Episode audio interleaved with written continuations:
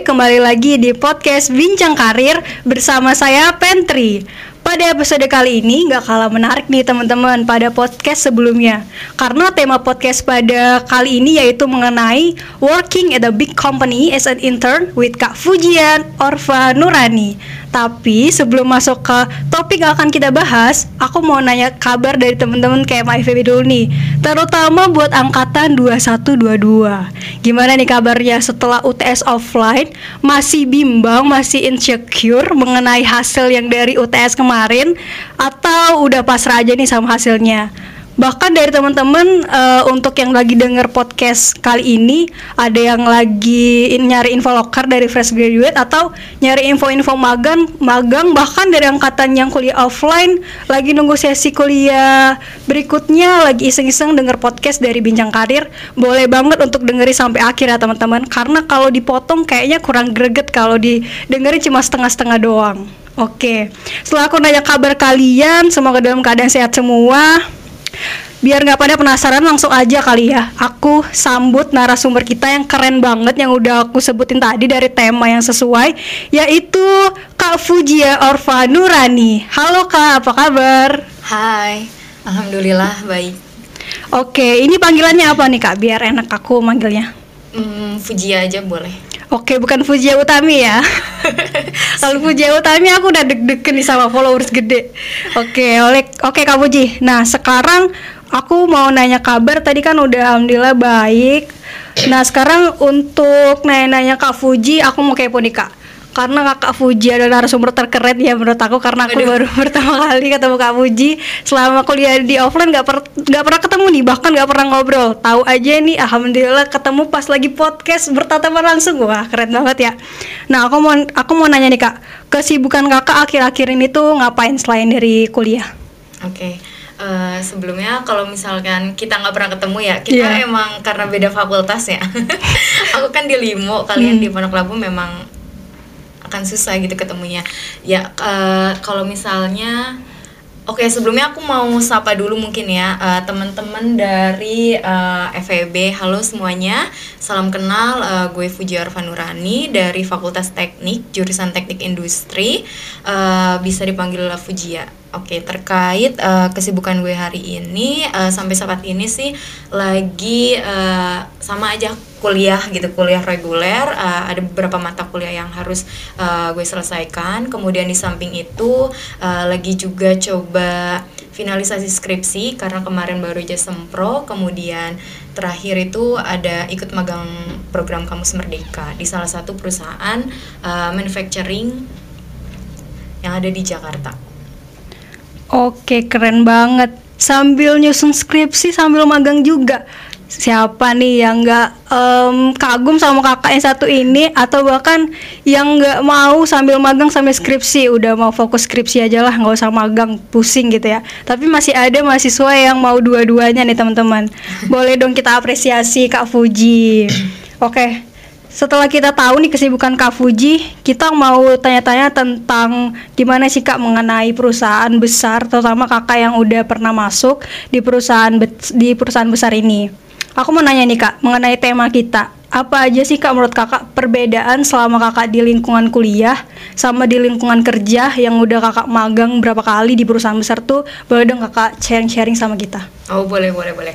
Uh, kalau lebih apa ya perbedaan yang paling mendasar banget sih mungkin dari kita komunikasi ya. Kalau misalkan kita sama teman itu kan kayak oh ya udah gitu santai gitu. Juga kita mau ngomong apa pun uh, mungkin ada beberapa memang yang bakal tersinggung. Tapi kalau misalkan di dunia pekerjaan itu kan juga lebih kepada kita harus tahu di batasan-batasan. Apalagi kita punya gap uh, umur yang memang jauh berbeda dengan orang di lingkungan itu. Jadi kita harus tahu bagaimana uh, cara berkomunikasi secara langsung maupun uh, dari email gitu. Jadi uh, biasanya kan kalau milenial tuh apa apa inginnya to the point uh, terus kayak uh, oh ke intinya aja gini-gini. Tapi uh, ternyata setelah aku pelajari dari uh, beberapa perusahaan yang ada tuh kita tuh uh, memang merasa asik dengan partner kita bekerja itu boleh tapi jangan melewati batas. Jadi maka dari itu uh, pertama sih itu komunikasinya tuh uh, sangat berbeda antar kita ke teman maupun uh, ke partner-partner kerja. Terus kemudian yang kedua uh, di situ tuh uh, walaupun kita sebagai uh, pemagang uh, pastinya kan kita juga dituntut untuk bisa berkontribusi ke perusahaan itu karena uh, bagaimanapun kan kita uh, kerja ya kerja di situ kemudian kita juga harus berkontribusi memberikan inovasi-inovasi juga gitu dari setiap pekerjaan-pekerjaan yang diberikan. Nah, uh, inovasi itu pastinya kan akan impact ke perusahaannya. Beda lagi kalau misalkan di kampus, kalau kita ngasih inovasi, kemudian ataupun ada suatu pekerjaan yang memang tidak kita selesaikan, itu kan impactnya hanya ke kita gitu. Paling ujung-ujungnya adalah IP kita turun gitu hmm. atau uh, ngulang semester amit-amitnya gitu kan. Tapi kan kalau uh, pekerjaan ini langsung kepada uh, si perusahaannya itu, impactnya juga kan akan besar, bukan hanya kepada kita, melainkan uh, user-user kita ataupun departemen lainnya. Itu jadi tanggung jawab juga lebih besar gitu kemudian uh, yang ketiga itu uh, mungkin kalau apa ya kalau magang tuh kita bisa enaknya itu dibandingkan kalau kuliah kan kita uh, mendapatkan ilmu-ilmu teori gitu kan dari para dosen. Kemudian nah pas di magang ini kita kesempatan nih compare teori-teori yang kita dapetin ini uh, inline juga inline gak sama apa yang kita kerjakan gitu. Misalkan ada sebuah isu dari uh, misalkan teori A berkata ini kemudian di lapangan seperti ini yaitu kita uh, sebenarnya nggak usah kaget atau gimana karena memang kan uh, kebanyakan memang seperti itu gitu. Nah di situ justru banyak hasil temuan-temuan kita tuh gitu. Kita bisa jadi belajar oh ternyata kalau uh, selama ini tuh uh, apa yang dikaitkan dengan apa yang kita pelajari di kampus kemudian apa yang di lapangan tuh oh, seperti ini gitu. Terus uh, satu lagi itu yang uh, benar-benar ngena banget kan aku juga sambil kuliah kan sambil ikuti beberapa mata kuliah kemudian ada juga memang magang yang uh, sesuai nih sama beberapa matkul gitu. Nah di situ tuh pada saat do dosen menerangkan itu tuh langsung terba uh, tergambarkan gitu. Oh iya ya uh, waktu pas aku di tempat magang tuh seperti ini nih implementasinya. Terus kayak uh, dari penjelasan dosen itu bisa langsung aku tanyain kayak uh, bu kalau misalnya sebegini begini gini uh, kenapa ya gini gini jadi kan uh, jadi lebih kritis lagi nih kita uh, ikut kelas kelasnya pun bukan yang kayak cuman ya udah yang penting datang kelas gitu. Tapi ada sesuatu yang memang uh, kita tertarik gitu untuk pelajari lebih dalam lebih dalam lagi. Jadi itu sih menurutku banyak banyak hal yang uh, yang memang berbeda dari antara lingkungan uh, kampus dan juga uh, pekerjaan Oke, tadi kan ada beberapa poin ya kak yang aku dapat dari perbedaan lingkungan kuliah sama lingkungan kerja. Yang pertama itu dari komunikasi, yang kedua ada kontribusi, dan yang ketiga ada inovasi. Tapi aku ada highlight poin mengenai kontribusi nih kak. Jadi kakak pernah nggak sih nemu praktek atau teori yang belum pernah kakak temuin di jurusan kakak? Oh iya, uh, kalau misalkan terkait ada jurusan yang uh, apa yang aku pelajari uh, belum pernah aku temui gitu pada saat magang. Uh, mungkin ini relate dengan apa yang uh, aku kerjakan pada saat aku magang di salah satu perusahaan FMCG sebagai sales gitu. Uh, yang mana uh, aku sebagai orang teknik industri itu memang tidak secara langsung mempelajari uh, bagaimana jadi seorang sales yang baik gitu. Uh, bagaimana uh, sel selayaknya bekerja sebagai seorang sales gitu tapi ternyata setelah aku pelajari uh, lebih lanjut gitu uh, sales itu kan pekerjaan bukan hanya kita cara kita untuk uh, menjual sebuah produk kemudian bagaimana cara kita uh, memikirkan uh, hubungan kita dengan uh, para customer kita seperti apa. Tapi di situ juga di sisi lain kan kita ada yang namanya warehouse gitu distribusi uh, distributor gitu. Yang mana uh, di scope itulah uh, yang memang aku pelajari gitu sebagai seorang teknik industri. Bagaimana cara manage uh, warehouse yang baik gitu. Kemudian bagaimana dari sisi tata letaknya gitu yang memang sesuai gitu untuk uh, adanya efektivitas dari setiap pergerakan yang ada. Nah di situ uh, aku ada menemukan gitu ada beberapa hal yang memang uh, di teori A tuh uh, berkata begini, tapi uh, di di apa ya di lapangannya tuh uh, oh ternyata seperti ini gitu nah itu tuh uh, pernah sempat aku tanyain juga ke orang kayak gudangnya gitu atau hmm. ke mentor-mentorku kenapa sih uh, ini begini padahal apa yang aku pelajari seperti ini gitu. Terus katanya uh, ya jadi uh, selama apa ya jadi uh, memang teori itu ada gitu. Tapi tidak tidak semua apa yang di teori di teori uh, memang uh, di lapangan itu seperti itu. Karena banyak hal-hal yang memang nge-triggernya gitu. Kayak misalkan uh, ada masalah kondisinya seperti apa kemudian uh, fasilitas-fasilitas yang ada. Karena kan uh, tidak semua uh, fasilitas-fasilitas tuh bisa menunjang ya. Karena uh, ya itu lagi uh, balik lagi kepada kemampuan perusahaannya itu. Jadi memang uh, tidak semua uh, sesempurna apa yang ada di teori gitu apa yang di lapangan. Jadi uh, itu itu jadi menarik gitu. Bahkan uh, kalau misalkan ada salah ada beberapa temuan yang kita temukan di lapangan gitu itu justru uh, kadang kalau aku suka diskusi gitu sama desain bisa jadi sebuah apa ya sebuah uh, inovasi yang akan aku lakukan gitu. Kalau enggak uh, aku jadikan sebuah project gitu. Dan nanti akan terlihat gitu perbandingan seperti apa datanya diambil dilihat seperti apa. Terus kayak disesuaikan lagi dengan teorinya gitu. Nah itu sih uh, justru kalau yang seperti itu jadi apa ya poin lebih gitu kita kepada perusahaan gitu. Karena kan memang mereka juga butuh ya untuk dari sisi pandang teorinya seperti apa gitu. Jadi enggak yang uh, bablas aja uh, operationnya itu seperti apa gitu Oke, tadi aku selama dengerin Kak Fuji sih fokus uh, sama karakter kakak berarti ya. Yang pertama itu mengenai open minded, uh, bahkan ketemu praktek yang berbeda dari jurusan itu kakak berani mencoba, berani mengambil itu keren banget sih. Jadi buat teman-teman yang lagi nyari info magang, jangan takut buat ngambil posisi yang belum pernah kita temuin yeah. ya kak. Karena kita belum tahu cocok atau enggaknya sebelum kita mencobanya gitu. Iya yeah, benar. Oke, kita uh, lanjut ke pertanyaan berikutnya ya kak. Oke, kita lanjut ke pertanyaan berikutnya ya, Kak. Mengenai persiapan apa aja sih, Kak, yang harus kita lakukan sebelum masuk ke dunia kerja, khususnya tuh untuk masuk ke perusahaan besar. Karena kan kayak FEB ini sebelum magang atau punya infoloker pasti udah ada target-target perusahaan besar nih, Kak. Apa aja sih, Kak, yang harus kita siapin dalam masuk ke dunia kerja khususnya untuk perusahaan besar? Ya, uh, kalau untuk magang yang aku ikuti kan itu uh, sebagian besar dari program magang kamus mereka ya. Mungkin kalau untuk persiapannya uh, lebih kepada ini kalau untuk teman-teman yang 2020 2021 gitu ya dipersiapkan uh, pertama pastinya IPK karena ada uh, sebagian perusahaan yang mencantumkan persyaratan uh, minimal IPK-nya berapa. Kalau bisa uh, di atas 3 3, gitu. Karena uh, banyak perusahaan yang memang uh, sudah mencantumkan kayak IPK di atas tiga setengah gitu. Uh, pastinya kita kan harus apa ya harus uh, mencapai uh, persyaratan minimal yang dimaksud. Kemudian uh, yang kedua terkait uh, tipsnya lagi itu uh, kita harus punya pengalaman misalkan kayak uh, volunteer. Kalau enggak ikutin uh, apa ya kegiatan-kegiatan yang ada di kampus. Karena uh, dengan kita menjadi uh, volunteer atau mengikuti kegiatan-kegiatan di kampus itu bisa menambah uh, nilai diri kita gitu. Karena nggak uh, mungkin dong uh, CV kita polos-polos uh, aja gitu. Uh, pastinya harus ada poin-poin yang memang menggambarkan karakter kita. Kayak uh, kita tuh punya soft skill apa sih gitu hard skill apa sih gitu.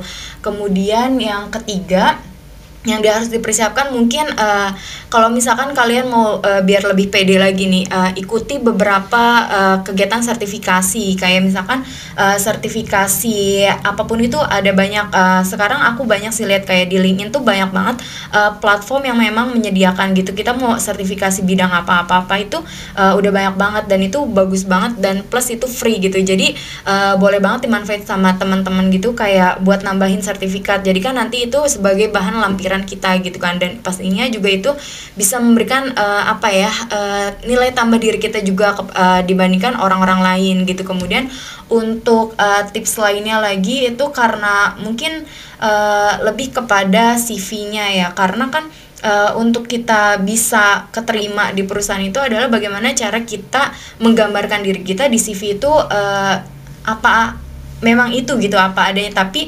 uh, apa ya sekarang tuh lagi musimnya uh, CV ETS gitu. Banyak banget perusahaan-perusahaan besar yang memang menggunakan CV ETS jadi teman-teman uh, boleh nih dipelajari lebih, lebih lanjut uh, sebenarnya CV ETS itu seperti apa gitu dan apa sih yang harus kita tuangkan di dalam CV tersebut. Kemudian untuk uh, per, apa ya persiapan-persiapan lainnya mungkin ini.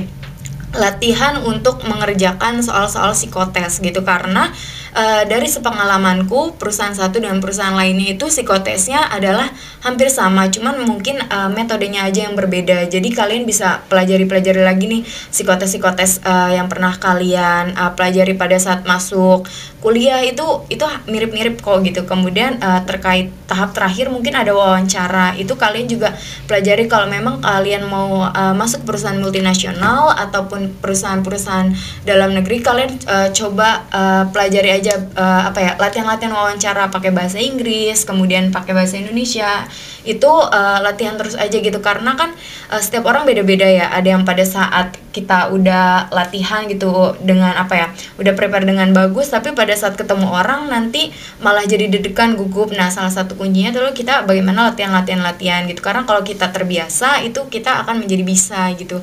Jadi menurutku itu sih. Jadi persiapannya di highlight lagi. Pertama uh, siapin IPK kemudian kedua uh, asah skill sama hard skill kita. Mungkin bisa ikut kegiatan volunteer kemudian yang ketiga CV pastinya. Kemudian yang keempat itu uh, kita harus mempelajari eh, contoh-contoh uh, soal atau soal-soal psikotes. Kemudian yang terakhir terkait wawancara uh, terus belajar aja bagaimana cara kita uh, apa ya mungkin dari cara kita ngobrol sama orang atau minta bantuin sama temen kayak uh, eh coba dong uh, lo jadi user gue gitu buat interview gue gitu kayak menggunakan bahasa Indonesia atau bahasa Inggris itu sih uh, bisa jadi apa ya modal utama atau persiapan kita untuk uh, bisa ikut-ikut magang gitu. Salah satunya dari program Magang Kampus Merdeka. Oke, tadi udah kebantu banget sih, terutama aku yang belum magang nih Kak. Jadi rencananya mau semester depan tuh mau magang kan, udah semester 6. Tapi ada juga teman-teman aku yang udah semester 5 magang aku belum pernah sempet sih nanya-nanya karena sibuk-sibuk organisasi juga. Jadi aku uh, sekalian podcast sekalian dapat ilmu yang besar nih alhamdulillahnya. Jadi yang pertama aku ulangi lagi untuk poin-poin mengenai persiapan. Buat teman-teman KMFB bisa menyiapkan CV ya kak terutama Boleh. buat dari mahasiswa baru yang baru masuk kuliah atau udah angkatan 21 untuk memperbanyak CV sebelum masuk ke untuk magang-magang uh, semester depannya boleh banget sampai CV-nya berlembar-lembar, wah langsung masuk tuh nggak usah wawancara lagi. Nah terus yang kedua mengenai wawancara, terus juga LinkedIn tadi ya kak, untuk sertifikasi uh, boleh nggak kak aku um, tahu sertifikasi yang pernah kakak ikutin tuh sertifikasi apa? Oh boleh. Jadi uh, waktu itu kan uh, sempat ada program namanya Permantasari. Nah saat itu aku ikut uh, program pertukaran belajar sa uh, sama uh, Unsri Universitas Sriwijaya yang mana memang alhamdulillahnya uh, Unsri itu mengadakan uh, apa ya kerjasama dengan Badan Standarisasi Nasional. Jadi di situ aku ikutin pelatihan dan juga sertifikasi ISO 9001 2015, kemudian uh, sertifikasi uh, pengenalan terkait uh, standarisasi, metriol, metrologi, kemudian ada juga uh, penilaian kesesuaian. Jadi uh, itu itu aja sih uh, sertifikasi yang memang uh, waktu itu aku daftarkan pada saat uh, program magang merdeka. Oke, berarti kakak uh, baru daftar sertifikasi pas mau persiapan magang? Uh, sebelum enggak itu justru di semester 4 cuma semester 4 iya jadi kebetulan aja gitu kebetulan dan memang ternyata sertifikasi itu uh, penting gitu untuk kita miliki karena itu kan di situ pada saat kita untuk mendapatkan sertifikat kan uh, kita juga ada beberapa pertanyaan-pertanyaan yang harus kita jawab dari situ kompetensi kita kan uh, diuji ya jadi uh, gimana gitu nanti pada saat disertifikasi keluarlah hasilnya berapa uh, hasil penilaian kita terhadap sertifikasi tersebut gitu. Oke, ini keren banget nih buat aku juga. Soalnya aku belum pernah dapat sertifikasi sih kak. Mau coba-coba dicari-cari dikitnya kak. Boleh boleh. Oke, tadi karena udah dapat poin-poinnya udah dijelasin sama Kak Fuji dan juga dijelasin sama aku. Selanjutnya kita dengerin nih mengenai uh, gimana sih gambaran bekerja sebagai business development intern di PT United Tractor Tbk. Terus juga yang kedua sebagai procurement intern di PT Pertamina Roadstep Pengolahan dan Petrokemia serta sebagai sales intern di multinational FMCG company. Wah, ada tiga nih. Gimana nih Kak jelasinnya? Harusnya harus panjang sampai dua hari ya jelasinnya pengalaman okay. itu. Oke silakan kak. Uh, aku mulai dari uh, yang pertama yang sebagai sales di uh, salah satu perusahaan FMCG ya. Jadi uh, gambaran pekerjaannya itu uh, pertama kan pas uh, aku dapat kayak oh jadi sales nih mungkin kayak uh, ketok-ketok pintu gitu buat jualan-jualan produk gitu uh, atau gimana gitu. Tapi ternyata enggak gitu yang uh, ada di apa ya ada di perusahaan FMCG itu sebagai seorang sales tuh nggak seperti itu gitu. Kita banyak main data gimana caranya kita uh, apa ya bantu uh, distributor supaya bisa menjual produk-produk kita gitu. Karena kan uh, apa ya uh, produk setiap perusahaan kan tidak cuma satu ya tapi uh, yang mana distributor tuh pingin ngejualnya apa sihnya pingin yang uh, fast moving aja nah di situ kita sebagai sales tuh uh, turun tangan kayak uh, membuat strategi gimana caranya supaya semua produk perusahaan kita ini uh, mereka mau jual gitu. Kemudian uh, sebagai seorang sales juga itu kita uh, terjun langsung untuk manage uh, gudang. Jadi gimana caranya supaya uh, stok tuh aman gitu. Jadi uh, tidak hanya permintaan dari customer banyak,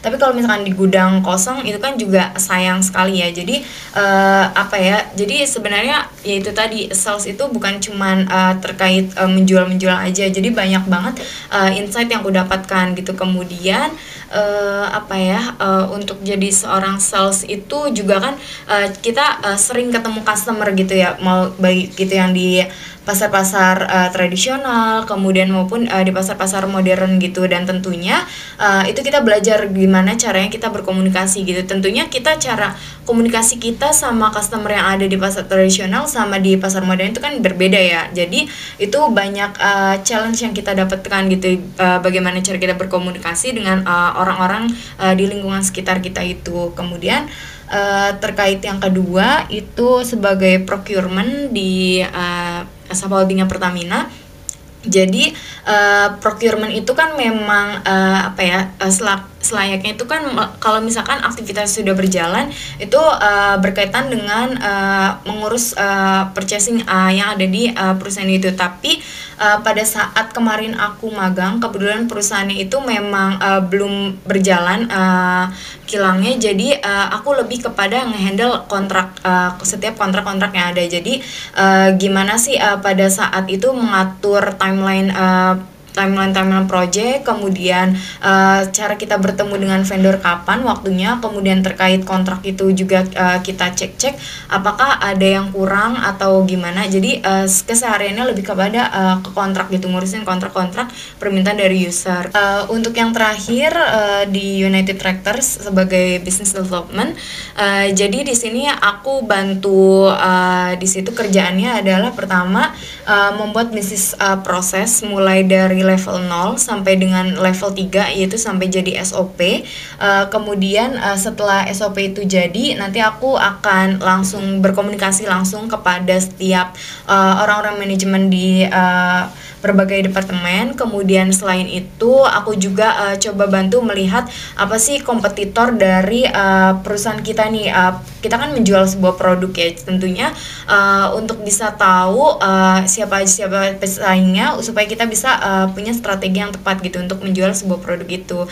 Jadi aku di situ uh, melakukan banyak research juga. Jadi kayak kompetitor kita uh, siapa, kemudian apa nih yang harus kita lakukan untuk ke depannya gitu. Jadi untuk uh, menjadi menjadi seorang business development karena mungkin aku baru uh, satu bulan setengah ini nah gambaran pekerjaan yang baru aku lakukan itu seperti itu gitu Oke, berarti yang akhir-akhir ini dikerjain dari business development intern nih kak?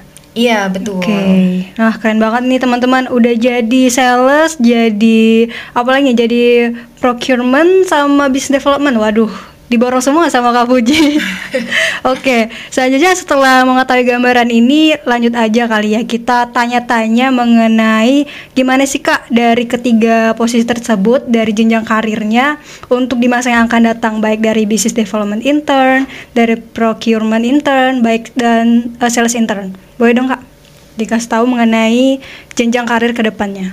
Ya, uh, kalau menurutku ya, uh, kalau misalkan uh, ketiga pekerjaan yang itu uh, memiliki jenjang karir yang uh, panjang sih karena pertama uh, sales. Kalau perusahaan kita menjual apa ya, menjual kalau perusahaan punya produk, nggak uh, mungkin dong mereka nggak butuh sales gitu untuk menjual uh, barang-barang atau produk yang mereka miliki. Jadi menurutku menjadi seorang sales uh, entah itu mau di perusahaan FMCG atau di perusahaan apa pun itu pasti dibutuhkan. Apalagi khusus untuk uh, perusahaan-perusahaan yang menghasilkan sebuah produk.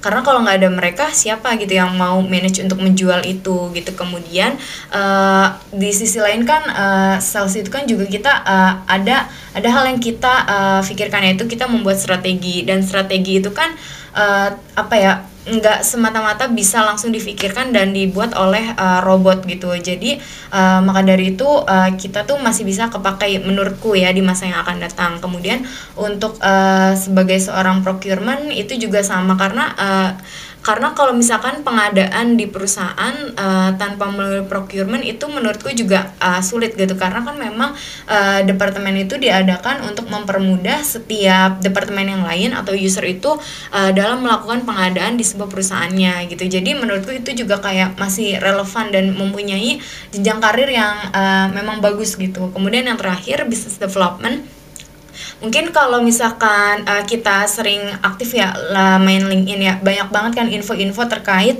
uh, locker business development gitu mm-hmm. kayak. Dan menurutku kayak itu setiap perusahaan memang pasti harus memiliki business development gitu kak sampai kapan pun gitu. Bahkan sekarang tuh lagi lagi rame-ramenya banget nih uh, terkait uh, locker business development. Jadi menurutku uh, menjadi seorang business development itu juga punya apa ya jenjang karir uh, yang bakal bagus gitu untuk ke depannya. Maka dari itu ketiga pekerjaan itu uh, bisa dijadiin pegangan untuk aku. Karena uh, apa ya tiga pekerjaan itu bisa punya uh, sudut pandang yang berbeda gitu. Nah sudut pandang yang berbeda itu justru memberikan kita insight yang banyak gitu. Oh ternyata kalau dari sisi sales tuh kita bekerja seperti ini gitu. Kemudian dari sisi orang pengadaan tuh seperti ini. Kemudian dari orang business development seperti ini gitu. Jadi lebih luas lagi gitu skop yang kita pelajari Oke, keren banget nih teman-teman. Buat teman-teman yang lagi nyari info magang atau info lokar dari tiga perusahaan itu boleh banget untuk highlight dan catat poin posisi yang ingin uh, ditargetin, terutama buat tiga posisi yang udah dijelasin sama Kak Fuji tadi.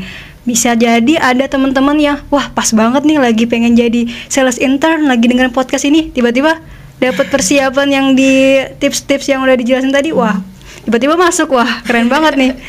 Oke, untuk terkait pertanyaan terakhir nih Kak. Mengenai tips dan trik tadi kan mengenai persiapan, mungkin uh, Kakak lebih jelasin lebih detail lagi mengenai tips dan trik saat memasuki perusahaan besar dan tips dalam memilih jenjang karir jenjang karir nih Kak. Gimana menurut Kakak uh, sepengalaman Kakak dalam melakukan tips dan trik?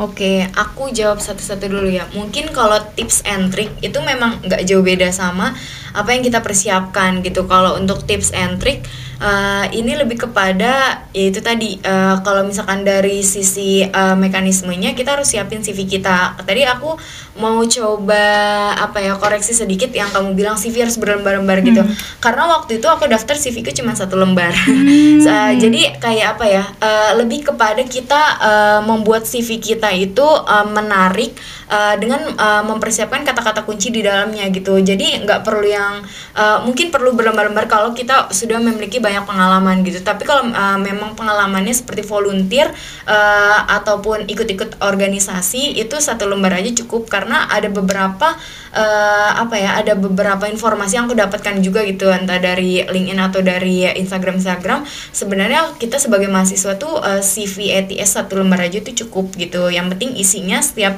uh, yang kita taruh itu uh, memang sesuai dengan persyaratan yang mereka minta gitu. Dan untuk CV pun diusahakan tuh bukan kayak yang satu CV kita sebar ke semua perusahaan gitu. Jadi uh, lebih bagus sih kita bikin uh, beberapa CV yang memang berbeda gitu. Karena kan itu tadi keywordnya itu harus kita sesuaikan dengan persyaratan-persyaratan yang mereka uh, mereka inginkan. Karena kan itu nanti akan mengoreksi uh, ini ya uh, apa bukan manusia yang mengoreksi gitu. Jadi mereka akan screening uh, keyword-keyword yang ada itu sesuai nggak sama persyaratan yang mereka minta gitu. Kemudian uh, terkait selain CV mungkin lebih kepada tips lainnya itu uh, belajar terkait uh, mempelajari soal-soal psikotes. Karena ada beberapa perusahaan yang memang soal psikotesnya tuh banyak tapi waktunya dikit. Nah kita belajar terus-terus aja. Karena kalau kita terus-terusan uh, cobain kerjain itu kan pastinya uh, akan merasa lebih gampang gitu. Kayak uh, karena di situ kan poin utamanya adalah siapa yang bisa mengerjakan uh, banyak soal ataupun banyak soal yang benar. Dengan waktu yang sudah ditentukan itu kan uh, otomatis kita bisa mendapatkan skor uh, psikotes yang tinggi. Maka dari itu tips dariku coba uh, belajar terus uh, psikotes psikotesnya karena uh, itu bagus juga gitu. Kan kita bersaing bukan saja sama teman-teman UPN nih tapi banyak juga teman-teman dari uh, univ lain gitu. Kemudian yang ketiga terkait wawancara Nah, untuk wawancara ini coba uh, teman-teman belajar pakai wawancara bahasa Inggris. Ada banyak banget uh, platform platform yang ada itu dia menyediakan. Jadi pertanyaannya apa, kemudian uh, rekomendasi jawabannya itu apa gitu. Terus kita sesuaikan juga nih sama diri kita gitu. Nah, di situ juga platformnya tuh ada kayak misalkan seakan-akan tuh uh, itu tuh user kita atau uh, HR yang menginterview kita gitu. Jadi kan kita nggak perlu kaget lagi gitu, apalagi bahasanya tuh berbeda gitu kan kemudian uh, tips dari Kut sih itu itu itu aja sih. Karena oh ya terkait yang CV itu uh, kalau misalkan kita ingin mau buat CV ya kalau memang nggak mau bikin dari awal itu ada banyak banget uh, platform yang memang membantu kita gitu. Jadi kita tinggal isi-isi aja nanti CV-nya jadi gitu. Itu sih banyak uh, jadi lebih kepada apa ya tips yang aku highlight ada tiga itu persiapan CV, kemudian persiapan untuk psikotes dan juga wawancara karena itu tahap-tahap yang memang aku lalui gitu. Setiap perusahaan pun memberikan tahap-tahap itu. Mungkin untuk uh, satu lagi kalau misalkan ada perusahaan yang memang uh, apa ya tahap uh, rekrutmennya itu ada nama FGD. Nah itu kita uh, diminta untuk berpikir kritis kan bagaimana uh, kita bisa dikumpulin uh, jadi berkelompok-berkelompok gitu terus mengemukakan pendapat ataupun uh, saling adu argumentasi. Nah, itu kalian juga boleh uh, kritis lebih dalam terkait entah itu perusahaannya, kemudian job desknya ataupun uh, hal-hal lainnya gitu. Jadi ada dariku tipsnya itu itu aja sih. Oke, dari persiapan dan tips tadi dapat tiga poin penting nih teman-teman KMA FEB. Yang pertama ada CV ITS tadi kayak dia kak. Iya, ETS. Boleh banget buat KMA FEB nyari-nyari info CV ITS. Terus juga yang kedua tes psikotes dan yang ketiga tadi mengenai wawancara. Nah boleh banget dicatat dari tips and trick yang diberikan oleh Kak Fuji tadi. Wah gimana nih teman-teman setelah mendengar podcast hari ini udah termotivasi belum buat langsung mencari info locker atau info magang dan langsung semangat buat um, mempersediakan dan menyiapkan tips and trick dari Kak Fuji tadi. Wah nggak kerasa nih ya teman-teman. Mungkin karena tadi lagi seru-serunya ya kita bahas tentang karir di perusahaan, terus juga tips and trick untuk mulai magang dan bekerja di perusahaan besar, dan tentunya masih banyak banget hal-hal yang pengen dibicarain di podcast ini mengenai bincang karir. Namun kalau dibahas selama dua jam bisa sampai kalian ketiduran ya.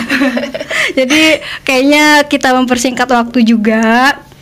Uh, jadi aku ingatkan juga kepada teman-teman jangan lupa buat uh, cari-cari info dan mengimplementasikan tips and trick dari Kak Fuji tadi karena kan kalau cuma dengerin podcast doang, kalau cuma ngelamun ah pengen kerja di sini gitu ya. Iya. Gimana harus diimplementasikan juga.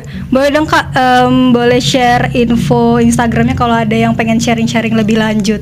Oh boleh boleh uh, boleh ke Instagramku Fujia Orva F U D J I A O R V A. Oke, boleh dicatat teman-teman yang lagi denger ini. Buat tiba-tiba banyak yang DM nih kak. Aduh. Oke, setelah tadi udah di share mengenai Instagram, sebelum aku menutup episode podcast Bincang Karir kali ini, boleh dong Kak Fuji memberikan closing statement mengenai topik kita kali ini nih kak. Oke, okay, uh, eh, untuk uh, semua teman-teman mungkin di FEB atau semua teman-teman yang mendengarkan podcast kali ini, closing statement dariku, semangat terus untuk kalian yang memang uh, mau mencoba untuk magang gitu, optimis aja gitu, jangan sampai berkecil hati karena kalau kita optimis uh, itu alam pun akan membantu gitu, jadi uh, optimis aja, kemudian uh, kalau memang mau terapin gitu tips and trick yang aku berikan gitu. Kemudian uh, yang terakhir uh, tetap semangat aja sih buat kita semua baik itu kuliah ataupun ngerjain skripsi dan ada yang ingin magang juga. Uh, dariku cukup sekian sih. Semangat intinya. Karena kalau nggak semangat nggak mungkin bisa dilakukan gitu semuanya Bener banget nih kak, kalau nggak semangat tuh niat doang nggak cukup ya kak. Ah, niat aja kepengen kemen-kemen aja tapi kita Iya. nggak semangat untuk mengimplementasikannya Iya, gimana benar, gitu benar, nggak akan benar. tercapai juga Sama kayak kita bangun tidur terus melek, ah pengen ini, tapi nggak Iya. dikerjain, tidur lagi. iya ujungnya tidur Iya, lagi sama aja dong. Oke, closing statement yang sangat membekas nih. Disemangatin sama Kak Fuji.